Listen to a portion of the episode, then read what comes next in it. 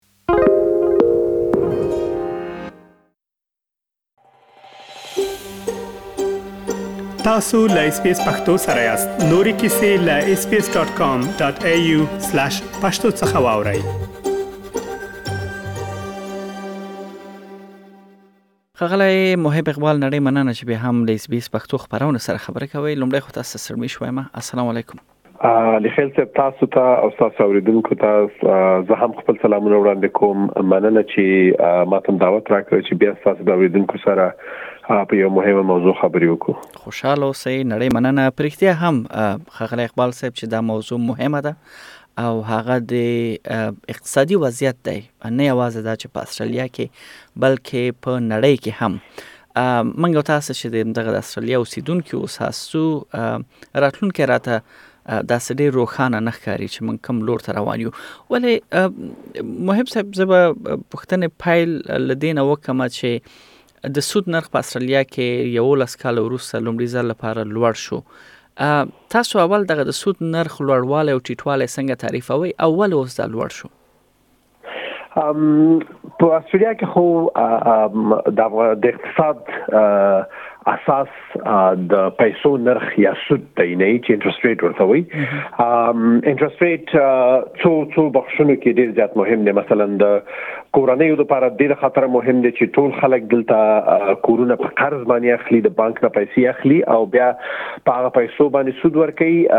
یعنی دغه انټرست ورکوي او کورونه اخلي نو یعنی ټول د استرالیا کورنۍ د پیو نه په یو طریقه باندې د انټرست ریټ نه متاثر کیږي په ټیټیدلو کې مصارف کمیږي او په جدیدلو کې مصارف زیاتیږي په دغه شکل باندې په استرالیا کې کوم تجارتونه دي یا بزنسونه دي هغه هم د بانکونو نه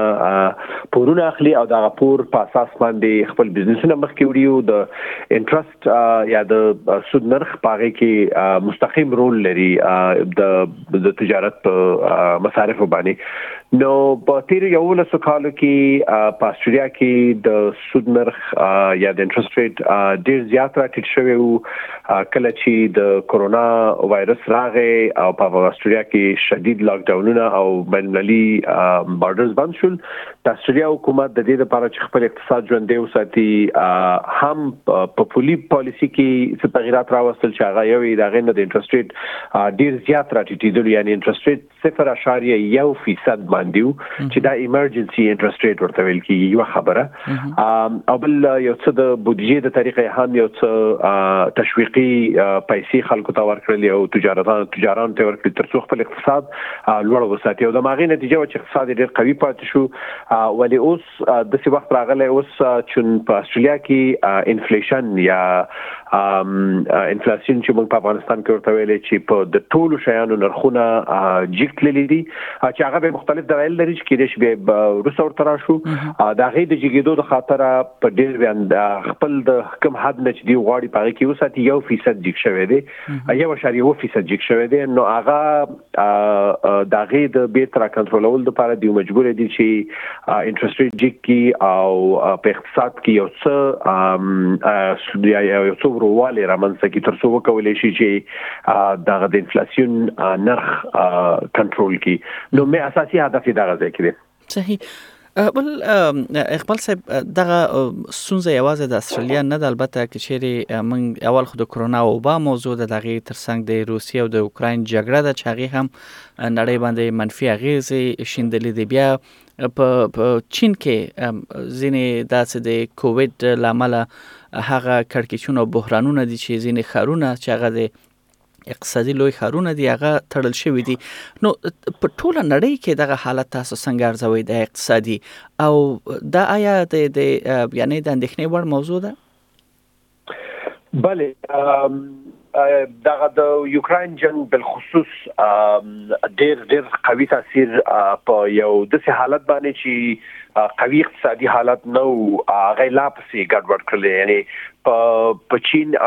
غوندي یو لوی هیواد کې چې د نړۍ دویم اقتصاد د کورونا تر اوسه پوري د کورونا وایرس یا د کورونا وبا تر اوسه پوري کنټرول شوی نه دا غي اوس هم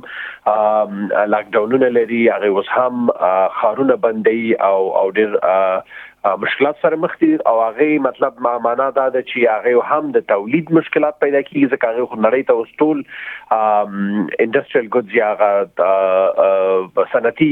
وسایل هغه برابرې دنیا ته نو هغه یو طرف نه به هغه د خاطر دی ډیر زیات شیان هم د دنیا نه اخلي ځکه مایننګ بخش کې هغه ډیره خریداري کوي نور ډیر زیات خوراکي مواد بخش کې خریداري کوي د تیلو بخش کې خریداري کوي هغه هم د مشکل سره مخ ده نو د چین د اقتصاد موضوع هم ډیره موضوع ده مهمه موضوع ده خو د کرونا د خاطر غلطه مهمه شوې ده ولی تر ټولو زیات لوی فاکتور په دې کې جیوپولیټیک دی چې هغه د یوکرين جنگ دی د یوکرين جنگ اروپا د یو خاص مشکل سره مخ کړی دا واغه اروپایانو د روسیې په غاز او تیلو باندې ډیر زیات تړون دی یعنی هغه یو بدون د روسیې د غاز او د تیلو نه خپل اقتصاد خپل کورنۍ خپل برق او خپل کارخانه نشي چلولای او په یو ځل باندې نشي کولای چې بندي کی نو فکر دا دی چې کاغه وکول شي په روان شپږ یا تو یا یو کال کې هم بند کی بیا هم یو جنجال دی نو دا شان ټول سره په ګډه باندې د نړۍ د اقتصاد د یو خاص مشکلي مرحله سره مخ دي د دې یو لوی مشکل دا دی چې کله به چې دغه مشکلات رااله په اقتصادي مشکل حالت کې بیا به یو د هغه فاکتورونو چې دیو به پکار کو انټرست ریټ چې دیو به ټیټولې او بل فاکتور چې دیو پکار کو د بودیجې د طریقه به تشویقي پکیجونه ورکول اقتصاد ته هغه دواړه هم چې د کورونا وایرس دوه کال د پر دوام کړي دی هغه دواړه هم په ټیټ ترینه سویه کې قرار لري او د مالي کومکونه هم په ډیر زیات شوي دي او د هغې د خاطر په اقتصاد کې انفلیشن رامنځته شوی دی نو د یو حالت سره دي چې دغه د پالیسی حل لارې هم دومره اسانه نه دي یو دلیل چې په سٹاک مارکیټ کې کوم ګورو چې یو جنجال منځته دی نه هغه سٹاک مارکیټونه په نړۍ کې ولیدل دي کله امریکا سٹاک مارکیټ دی کله استرالیا دی کله اسیا کې دي کله اروپאי سٹاک مارکیټونه دي ټول ولیدل دي او د روانې شپږ میاشتې یا یو کال د څه معلومیږي چې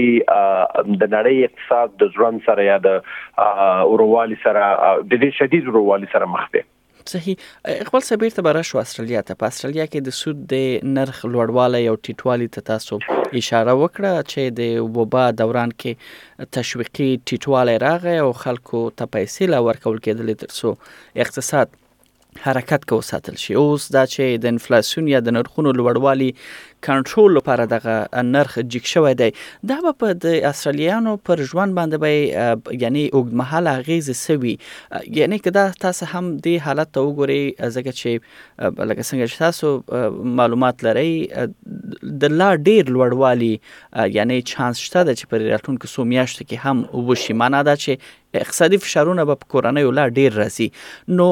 دغه استرالیانو ژوند لپاره دغه دغه حالت څنګه تعریفوي او راتلونکي څنګه ګوري دا یو څه سخت سوال ځکه دی چې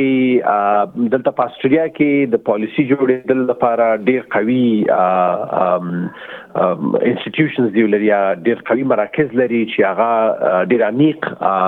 دې موضوعاتو ته ګوري چې په اوږده مهال کې د استرالیا د خلکو پر ژوند باندې د دې منفي تاثیرات موجود نه وي یعنی دی ورته چې وایي په لانګ ټرم کې سموثینګ یعنی هغه د اقتصادي شوکونه سموث کوي او آرامي او او او کوشش کوي چې په اوږد مهال کې په خلکو باندې تاثیرونه وسیږي تاسو دقیق ویلي چې را روان 12 میاشتو کې شاید چې څلور دفعې نور هم دغه انټرست ریټ جیک شي دغه یو یو د مارکیټ د مخ وړاندوینو نه دی چې شاید څلور ځله نور هم جیک شي چې انټرست ریټ هدا اقل یو نیم فیصد ته رسمي انټرست ریټ او په کورونو باندې چې کوم انټرست هغه 3.5 فیصد ته ورسیږي نو هغه مستقیم تاثیرات یې سړی چې په خبرې وکړي هغه دغه دي چې هغه څوک چې مورګیج لري یا د کور قرض یې اغسته دی هغه به ډېری پیسې یعنی هغه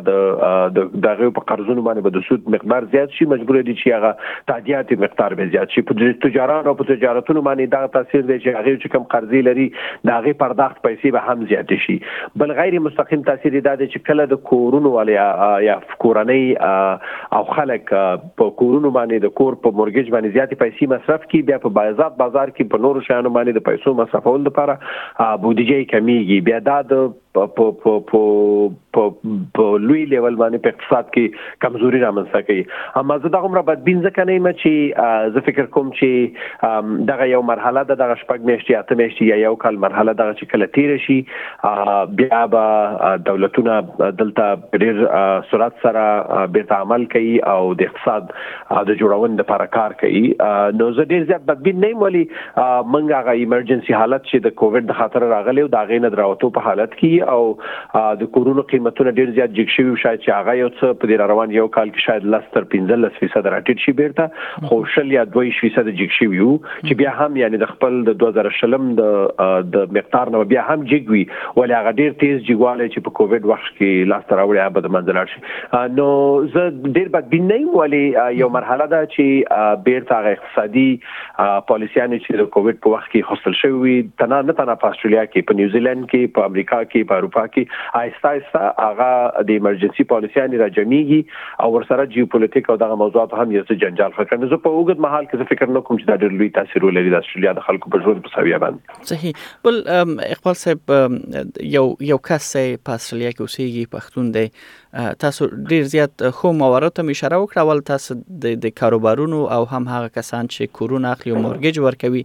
دا غوي باندې دغه مستقیم یا مخامخ غیزو ته تاسو اشاره وکړه یو څوک چې نه کاروبار لري او نه هم کور لري یا کور یې اخیستی وي، د دغسې یو عام اسټرالیي په ژوند باندې به هم د دې اغېزې وي او که چېرې وي نو کومو برخو کې او څنګه؟ یو تاثیر په هغه خلکو باندې چې ډیر زیات په انټرست ریټ او په مارګیټ پورې تړلې نه دي زه زما اندا دی چې دغه د انفلیشن ریټ چې کوم وس تقریبا په استرالیا کې د کور انفلیشن چې ورته وي هغه اساسي د کور ضرورت چې کوم شیان دي دا غي قیمت تقریبا 4 فیصد جګ شوی دی یعنی دا معنی چې مخکې یو شی په په په 100 ډالر اوس په 104 ډالر شوی دی نو زه فکر کوم چې دا د قیمت جګواله یو مستقیم تاثیر دی دا دا د دې نه هیڅوک هم نه دی خلاص حق مورګیج کې وسیږي او کوم مورګیج کې ونه وسیږي بل تاثیر دا دی چې د کورونو قیمتونه چې جګ شوي دي په دغه څه وخت کې شاید چې یو څه راټیټ شي او بعض هغه خلکو ته چې د کورونو په مارکیټ کې نه دي داخل شوي یا غواړي چې کور واخلي شاید چې یو څه د کورونو راټیټېدل هغه سره دا کومک کوي چې هغه هم بل اخره د کورونو غستلو دغه مارکیټ ته نه نوځي تر هغه وړاندې کبي څو کاملا د دې شان نه بیرونو وسیږي زه بیا هم ډیر زیات تاثیر دغه پر ژوند نه وینم صحیح نړۍ مننه خغل اقبال صاحب ډیر زیات ښه سیړنه مو وکړه او دغه موضوع مو ډیر زیات روښانه کړه او ټولو برخو باندې مو رڼا واچوله نو تاسو خوشاله اوسئ او له وخت نه مننه تاسو ته هم او تاسو اوریدونکو ته هم ښه وخت غواړم د خدای په امان اس پی اس پختو په فیسبوک کې تا کې پلی مطلب یو فاک کړئ نظر ور کړئ او له نورو سره شریک کړئ